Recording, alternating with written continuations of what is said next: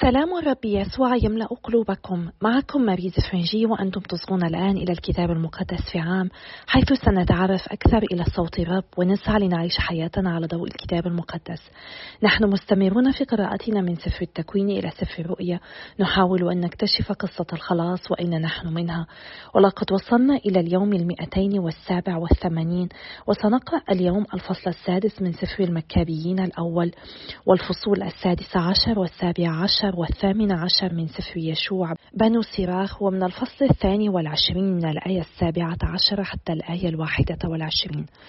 فلنبدأ بصلاتنا المعتادة. بسم الآب والابن والروح القدس الإله الواحد آمين. أيها الرب القدوس الذي لا يموت قدس أفكارنا ونقي ضمائرنا فنسبحك تسبيحا نقيا ونصغي إلى كتبك المقدسة لك المجد إلى الأبد آمين. سفر المكابيين الأول. الفصل السادس نهاية أنتيوخوس إبيفانوس. وكان أنتياخوس الملك يجول في الأقاليم العليا فسمع بذكر أليمايسي وهي مدينة بفارس مشهورة بأموالها من الفضة والذهب. وأن فيها هيكلا فيه كثير من الأموال وفيه أسلحة الذهب والدروع والأسلحة التي تركها الإسكندر ابن فيلبس الملك المقدوني الذي كان أول ملك في بلاد اليونان. فأتى وحاول أن يأخذ المدينة وينهبها فلم يستطع لأن أهل المدينة كانوا قد علموا بالأمر فقاوموه وقاتلوه فهرب ومضى من هناك بغم شديد راجعا إلى بابل. وجاءه وهو في فارس مخبر بأن الجيوش التي سارت إلى أرض يهوذا قد انكسرت وأن للسياسة قد انهزم من وجههم وكان قد خرج عليهم في جيش في غاية القوة فتعززوا بالسلاح والذخائر والغنائم الكثيرة التي أخذوها ممن سحقوهم من الجيوش. وهدموا الشناعة التي كان قد بناها على المذبح في أورشليم وحوطوا المقدس بالأسوار الرفيعة كما كان من قبل. وفعلوا ذلك أيضا في بيت صور وهي مدينة من مدن الملك. فلما سمع الملك بهذا الخبر بهت واضطرب اضطرابا شديدا وانطرح على الفراش وقد مرض من الغم لأن الأمر جرى على خلاف رغبته. فلبث هناك أياما كثيرة لأنه تجدد فيه غم شديد وأيقن بالموت فدعا جميع أصدقائه وقال لهم لقد شرد النوم عن عيني وسقط قلبي من الهم فقلت في نفسي إلى أي حزن صرت وما أشد الاضطراب الذي أنا فيه بعد أن كنت مسرورا ومحبوبا في أيام سلطاني. أما الآن فإني أتذكر المساوئ التي صنعتها في أورشليم وكيف أخذت كل آنية الذهب والفضة التي كانت فيها وأرسلت لإبادة سكان اليهودية بغير سبب. فأنا أعلم بأني لأجل ذلك أصابتني هذه البلايا وها أنا أموت بغم شديد في أرض غريبة. جلوس أنطياخوس الرابع على العرش. ثم دعا فيلبس أحد أصدقائه وأقامه على جميع مملكته وسلم إليه تاجه وحلته وخاتمه وأوصاه بإرشاد أنطياخوس ابنه وتربيته للملك. ومات هناك أنطياخوس الملك في السنة المئة والتاسعة والأربعين. وعلم للسياس أن الملك قد توفي وملك مكانه أنطياخس ابنه الذي رباه منذ حداثته وسماه باسم أباطور. حصار قلعة أورشليم عن يد يهوذا المكبي وكان أهل القلعة يصدون إسرائيل عن دخول الأقداس ويحاولون الإضرار بهم من كل جانب وتأييد الوثنيين. فعزم يهوذا على إبادتهم وحشد كل الشعب لمحاصرتهم فاجتمعوا معا وحاصروهم سنة مئة وخمسين ونصبوا القذافات والمجانيق ولكن بعض المحاصرين خرقوا الحصار وانضم إليهم نفر كافرون من إسرائيل ومضوا إلى الملك فقالوا له إلى متى لا تنصفنا ولا تنتقم لإخوتنا؟ إننا ارتضينا بخدمة أبيك والعمل بأوامره واتباع فرائضه. ولذلك أبناء شعبنا ينفرون منا وكل من صادفوه منا قتلوه ونهبوا أملاكنا ولم يكتفوا بمد أيديهم علينا بل تجاوزوا إلى جميع بلادنا. وها إنهم يحاصرون قلعة أورشليم ليستولوا عليها وحصنوا مقدس بيت صور فإن لم تسرعي الآن وتبادرهم فسيصنعون شرا من ذلك فلا تقدر أن تكفهم. حملة أنطياخس الخامس والاستياس معركة بيت زكريا.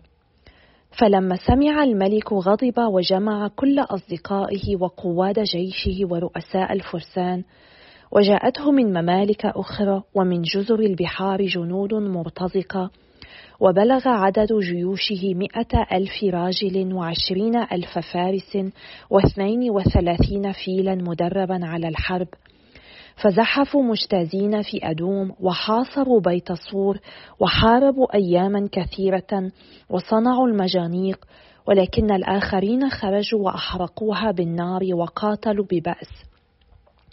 فسار يهوذا عن القلعة وعسكر في بيت زكريا تجاه معسكر الملك فبكر الملك وأطلق جيشه دفعة واحدة في طريق بيت زكريا حيث تأهبت الجيوش للقتال ونفخوا في الأبواق وأروا الأفيال عصير العنب والتوت حتى يهيجوها للقتال ثم وزعوها على الفرق فجعلوا عند كل فيل ألف رجل لابسين الزرود وعلى رؤوسهم خوذ النحاس وأقاموا لكل فيل خمسمائة فارس منتخبين. فكان أولئك حيثما وجد الفيل سبقوا إليه وحيثما ذهب ذهبوا معه لا يفارقونه. وكان على كل فيل برج حصين من الخشب يحميه مثبت بالأحزمة. وعلى البرج المحاربون الثلاثة المقاتلون من الأفيال فضلا عن الفيال. وجعل الملك سائر الفرسان من هنا ومن هناك على جانبي الجيش يضايقون العدو ويسترون الكتائب. فلما لمعت الشمس على تروس الذهب والنحاس لمعت بها الجبال وتلألأت كمشاعل من نار وانتشر جيش الملك قسم في أعلى الجبال وقسم في السفوح ومشوا برباطة جأش وانتظام فارتعد كل من سمع صراخ ذلك الجمهور وجلبة زحفهم وقعقعة سلاحهم. فإن الجيش كان عظيما وقويا جدا. فتقدم يهوذا وجيشه للمبارزة. فسقط من جيش الملك ستمائة رجل. ورأى أليعازر أو أران واحدا من الأفيال مدرعا بدروع ملكية. ويفوق جميع الأفيال جسما. فظن أن عليه الملك فبذل نفسه ليخلص شعبه ويقيم لنفسه اسما مخلدا. وعاد إليه بجرأة في وسط الفرقة يقتل يمنة ويسرة فتفرق الأعداء عنه من هنا ومن هناك ودخل بين قوائم الفيل حتى صار تحته وقتله فسقط عليه الفيل إلى الأرض فمات مكانه. ولما رأى اليهود سطوة الملك وبطش الجيوش ارتدوا عنهم. فتح بيت صور وحصار جبل صهيون عن يد السوريين.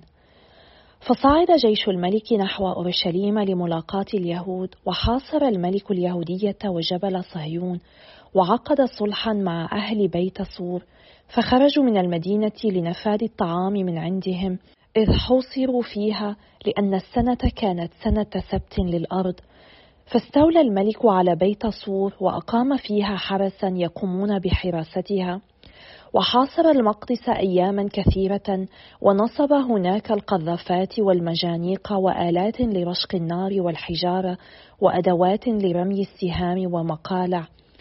وصنع اليهود أيضا مجانيق قبالة مجانيقهم وحاربوا أياما كثيرة ولم يكن في مستودعاتهم طعام لأنها كانت السنة السابعة وكان الذين لجأوا إلى اليهودية من الأمم قد أكلوا ما فضل من المؤونة.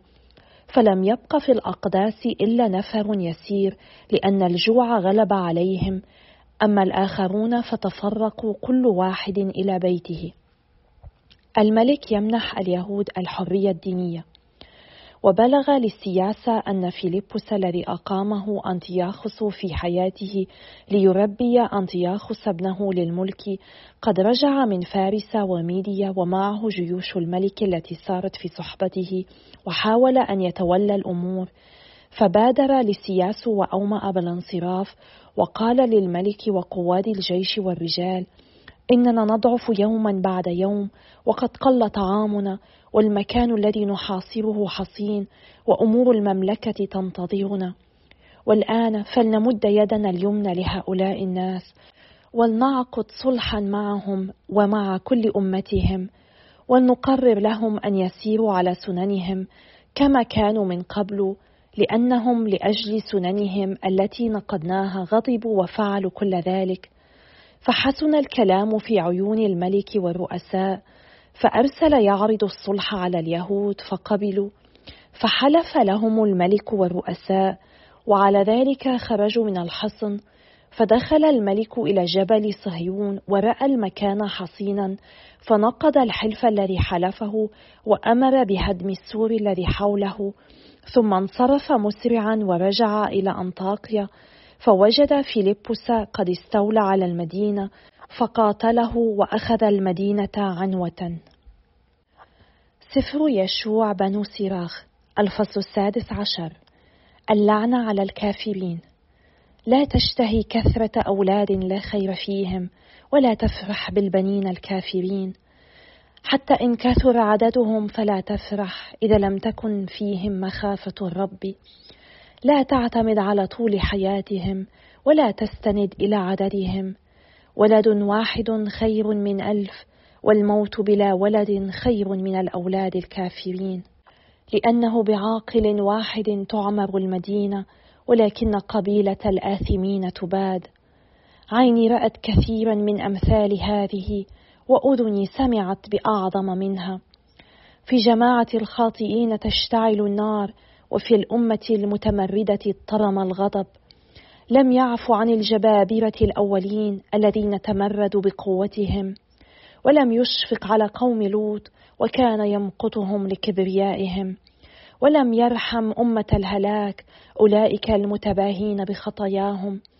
وكذلك الستمائة ألف من الرجالة الذين تجمعوا في قساوة قلوبهم.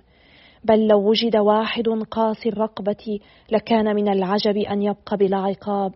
لأن الرحمة والغضب من عنده وهو قدير على الغفران وساكب للغضب. كما أنه كثير الرحمة هكذا هو كثير الاستنكار. فيدين الرجل بحسب أعماله لا يفلت الخاطئ بغنائمه ولا يضيع صبر التقي. لكل عمل رحمة يجعل مكانا وكل واحد يلقى ما تستحق أعماله. المكافأة أمر أكيد. لا تقل سأتوارى عن الرب ومن العلا من الذي يذكرني. في وسط شعب كثير لا أعرف ومن أنا في خلق لا يقدر. ها إن السماء وسماء السماء والغمر والأرض تتزعزع عند افتقاده والجبال وأسس الأرض ترتعد رعبا عندما ينظر إليها. ولكن القلب لا يتأمل في ذلك ومن الذي ينتبه لطرقه؟ وكالزوبعة التي لا يبصرها الإنسان فإن أكثر أعمال الرب في الخفاء. أعمال البر من يخبر بها أو من يتوقعها؟ فإن العهد بعيد. الفاقد القلب يتأمل في ذلك والرجل الغبي الضال يتأمل في الحمقات. الإنسان في الخليقة. اسمع لي يا بني وخذ العلم ووجه قلبك إلى كلامي. أكشف عن التأديب بوزن وأعلن العلم بتدقيق. لما خلق الرب أعماله في البدء ميز أجزاءها منذ إنشائها. زين أعماله للأبد منذ مبادئها إلى أجيالها البعيدة فلا تجوع ولا تتعب ولا تترك عملها. لا يصدم الواحد جاره ولا تعصي كلمته أبدا. وبعد ذلك نظر الرب إلى الأرض وملأها من خيراته وغطى وجهها بجميع أنواع الحيوانات وإليها تعود. الفصل السابع عشر. خلق الرب الإنسان من الأرض وإليها أعاده. جعل للناس أياما معدودة ووقتا معينا وأولاهم سلطانا على كل ما فيها. وألبسهم قوة كالتي له وصنعهم على صورته. وألقى رعب الإنسان على كل ذي جسد لكي يتسلط على الوحوش والطيور. وأعطاهم عقلا ولسانا وعينين وأذنين وقلبا للتفكير. وملأهم من العلم والفطنة وأطلعهم على الخير والشر. وجعل عينه على قلوبهم ليظهر لهم عظمة أعماله. ويحمدون اسمه القدوس ليخبروا بعظائم أعماله. وزادهم العلم وأورثهم شريعة الحياة وعاهدهم عهدا أبديا وأراهم أحكامه. فرأت عيونهم عظمة مجده وسمعت آذانهم مجد صوته وقال لهم أحترسوا من كل ظلم وأوصاهم كل واحد في حق قريبه. القاضي الإلهي طرقهم أمامه في كل حين فهي لا تخفى عن عينيه لكل أمة أقام رئيسا وأما إسرائيل فهو نصيب الرب. جميع أعمالهم كالشمس أمامه وعيناه على الدوام تنظران إلى طرقهم. لا تخفى عليه مظالمهم بل جميع خطاياهم أمام الرب. صدقة الرجل كخاتم عنده فيحفظ الإنسان كحدقة العين. وبعد ذلك يقوم ويجازيهم يجازيهم جزاءهم على رؤوسهم لكنه يجعل للتائبين مرجعا ويعزي فاقدي الصبر. دعوة إلى التوبة. تب إلى الرب وأقلع عن الخطايا. تضرع أمام وجهه وأقلل من العثرات.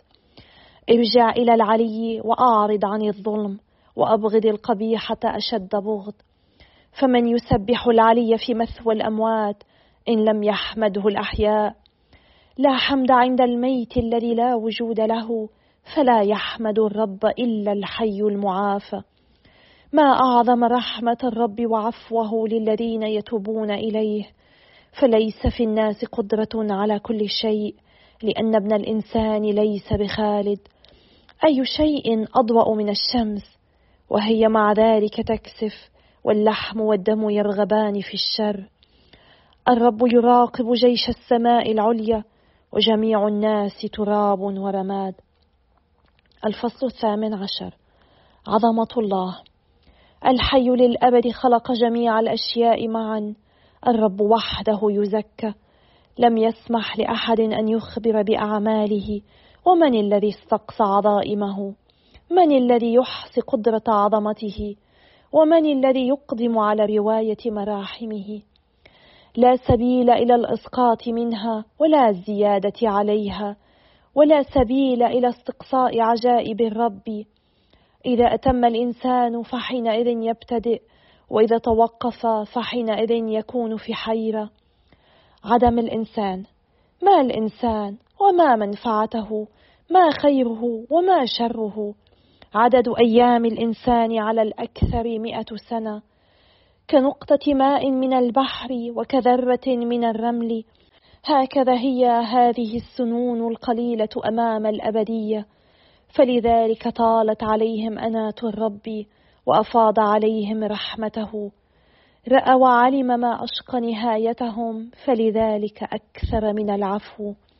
رحمة الإنسان لقريبه أما رحمة الرب فلكل ذي جسد. يوبخ ويؤدب ويعلم ويرد كالراعي رعيته. يرحم الذين يقبلون التأديب ويبادرون إلى أحكامه.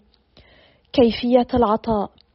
يا بني لا تقرن الصنيعة بالملامة ولا العطايا بالكلام المكدر. أليس الندى يسكن القيظ؟ فهكذا الكلام أفضل من العطية. أما ترى أن الكلام أفضل من العطية؟ وكلاهما عند الرجل المحسن. الأحمق يعنف ولا يلطف وعطية الحاسد تحرق العيون. التفكير والاحتياط. قبل الكلام تعلم وقبل المرض اعتني بصحتك وقبل القضاء افحص نفسك فتنال العفو ساعة الافتقاد. قبل المرض كن متواضعا وعند ارتكاب الخطايا أظهر توبتك. لا يمنعك شيء من قضاء نذرك في وقته ولا تنتظر ساعة الموت لتؤدي ما عليك. قبل القيام بنذر هيئ نفسك ولا تكن كإنسان يجرب الرب. تذكر غضب الأيام الأخيرة ووقت العقاب عند تحول وجه الرب. في وقت الشبع أذكر وقت الجوع وفي أيام الغنى أذكر الفقر والعوز. بين الفجر والمساء يتغير الزمان وكل شيء يمر سريعا أمام الرب. الحكيم يتحذر في كل شيء وفي أيام الخطايا يحترز من الهفوات. كل عاقل يعرف الحكمة ويشهد لمن يجدها. العقلاء في الكلام هم أيضا حكماء ويمطرون الأمثال السديدة. التمالك لا تتبع أهواءك بل اكبح شهواتك. فإنك إن أبحت لنفسك الرضا بالشهوة جعلتك شماتة لأعدائك. لا تستمتع بكثرة المآكل ولا تلزم نفسك الإنفاق عليها. لا تقفر نفسك بالمآدب تنفق عليها من الدين. وليس في كيسك شيء. سفر الأمثال الفصل الثاني والعشرون من الآية السابعة عشرة حتى الآية الواحدة والعشرين. مجموعة الحكماء. أمل أذنك واسمع كلام الحكماء ووجه قلبك إلى علمي فإنه لذيذ إذا حفظته في باطنك وإذا ثبت كله على شفتيك. ليكون اتكالك على الرب اليوم علمتك أنت.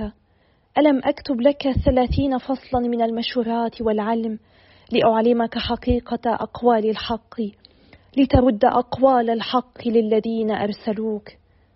أيها الآب السماوي إننا نسبحك ونمجدك ونشكرك. نشكرك يا رب على كل عطاياك نشكرك على كلمتك. نشكرك لأنك تواصل كشف تاريخ شعب إسرائيل لنا. نشكرك لأنك تستمر في إرشادنا وتعليمنا وتغييرنا من خلال حكمة يشوع بني سراغ. نسألك يا رب أن تمنحنا نعمتك هذا اليوم وكل يوم حتى ننتمي إليك ونمجدك في كل ما نفعله. باسم رب يسوع نصلي آمين. باسم الآب والابن والروح القدس الإله الواحد آمين. في سفر المكابين الأول الفصل السادس نرى أن الحروب استمرت ضد اليهود بعد نهاية أنطياخوس إبيفانوس. وقرأنا اليوم عن معركتهم في بيت زكريا وعن شجاعة أليعازر الذي بذل نفسه ليخلص شعبه ويقيم لنفسه اسما مخلدا عندما ظن أن الملك كان على أحد الأفيال. إذا كنتم فقط تصغون إلى التسجيلات ولا تتابعون في الكتاب المقدس أنتم ربما تتساءلون عن ذكر الأفيال ولكن هذه هي حقيقة. الحرب جرت. استعملوا فيها الأفيال. نعم الفيل هذا الحيوان الضخم كان عنصرا مهما في هذه الحرب ضد المكابيين. وعندما دخل اليونانيون أورشليم ورأوا قوة يهوذا المكابي وإخوته دمروا السور وغادروا سريعا. واستمرت معاركهم مع اليونانيين ولكن عندما قوي نفوذ الرومان بدأت إسرائيل تفكر بعقد تحالف مع روما. وفي السفر الثاني للمكابيين سنرى تفاصيل معارك أخرى وقصص الناس الذين كانوا مخلصين أو غير وفيين. ورغم أن هذه هي قصص وتاريخ لكن علينا دائما أن نتذكر أنها كلمة الرب. هي تعلمنا الكثير من خلال مثل كل هؤلاء الأشخاص المؤمنين والغير مؤمنين. وبالحديث عن غير المؤمنين فلنذهب إلى الفصل السادس عشر من سفر يشوع بن سيراخ حيث نرى التحذير من شهوة كثرة الأولاد الذين لا خير فيهم. إذا كانوا لا يطيعون الرب ولا يسيرون في حسب شرائعهم فإن هذا سيكون أسوأ مما لو لم يكونوا موجودين من قبل. وتؤكد هذه الكلمات القوية على أهمية السير مع الرب. وأنه يجب أن نفرح فقط إذا كانت في البنين مخافة الرب. غالبا الأهل الصالحون يطلبون من أولادهم ألا يكونوا أقوياء أو ذو سلطة أو ذو غنى. إنما أن يختنوا بالكنز الحقيقي ألا هو الله؟ أن يسعوا لأن يكونوا فضلاء وأن يسيروا مع الرب على درب القداسة. وهذا هو أهم شيء يمكن للأهل أن يطلبوه من أولادهم وأن يسعوا أن يساعدوهم كي يصلوا إليه. ولاحقا في الآية الرابعة عشر نقرأ لكل عمل رحمة يجعل مكانا وكل واحد يلقى ما تستحق أعماله. كم مهم أن نذكر أنفسنا بذلك دائما. كل خياراتنا كل قراراتنا سينتج عنها شيء ما وسنلقى ما تستحق أعمالنا.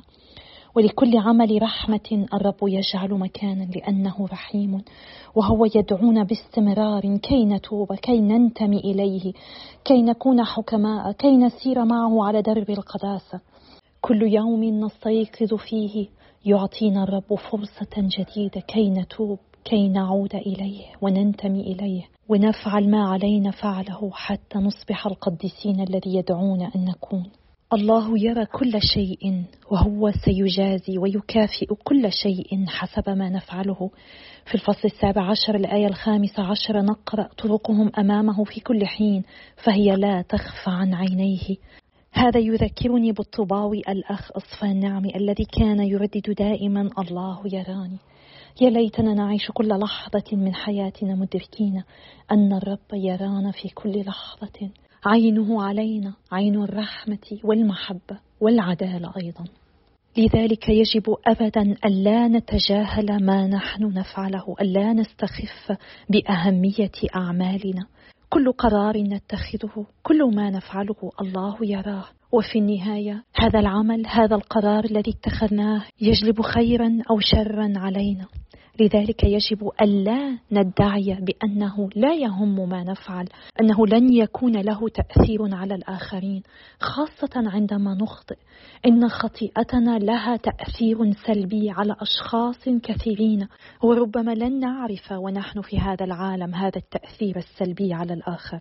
ولنتذكر دائما كما تقول الآية الرابعة والعشرون أنه يجعل للتائبين مرجعا ويعزي فاقدي الصبر. الرب يعطينا فرصة دائما كي نعود إليه كي نتوب وننتمي إليه. لقد رددت ذلك مرات عديدة اليوم. فلنعتبر هذا دعوة لكل واحد منا بعيدا عن سر الاعتراف كي يفحص ضميره بتمعن ويذهب إلى الكاهن وينال سر الاعتراف بقلوب تائبة ومتواضعة ويقترب من الرب وينتمي إليه مرة أخرى. ويسير معه على طريق القداسة. هناك الكثير في سفر يشوع بني سراخ الكثير من الحكمة ولكن من الصعب جدا أن نعلق على كل شيء. في الفصل الثامن عشر الآية الخامسة عشر نقرأ يا بني لا تقرني الصنيعة بالملامة ولا العطايا بالكلام المكدر. هنا تحذير الأب لابنه أن يكون ثابتا ومكرما في تقديم الهدايا. يعني ألا يقدم عطية لشخص ما بطريقة لا تكرم الشخص الذي سيحصل على هذه الهدية ولا تظهر عاطي الهدية على أنه شخص مكرم شخص كريم يرغب حقا في العطاء. ونقرأ أيضا في هذا الفصل عن أهمية الاحتياط والتفكير والاستماع قبل التصرف والتعلم قبل التكلم حتى لا يتسرع الشخص في أقواله وأفعاله ويندم عليها لاحقا. علينا أن نتواضع كل يوم نفحص أفعالنا نراجع ضميرنا نراجع أقوالنا وأفعالنا ونطلب من الرب أن يسامحنا عن زلاتنا ونعد بأن نعوض عليها قبل أن تأتي ساعة الموت حيث علينا أن نؤدي ما علينا كما نقرأ في الآية الثانية والعشرين. فلنستمر بالصلاة لأجل بعضنا البعض ولنطلب من الرب النعمة لكل واحد منا. كي نثبت في هذه المسيرة ونتعمق أكثر في علاقاتنا مع الرب ونصلي أكثر من أجل البعيدين عن الرب. أنا أصلي لأجلكم وأتشكركم على صلواتكم وإلى اللقاء غدا يوم آخر إن شاء الله.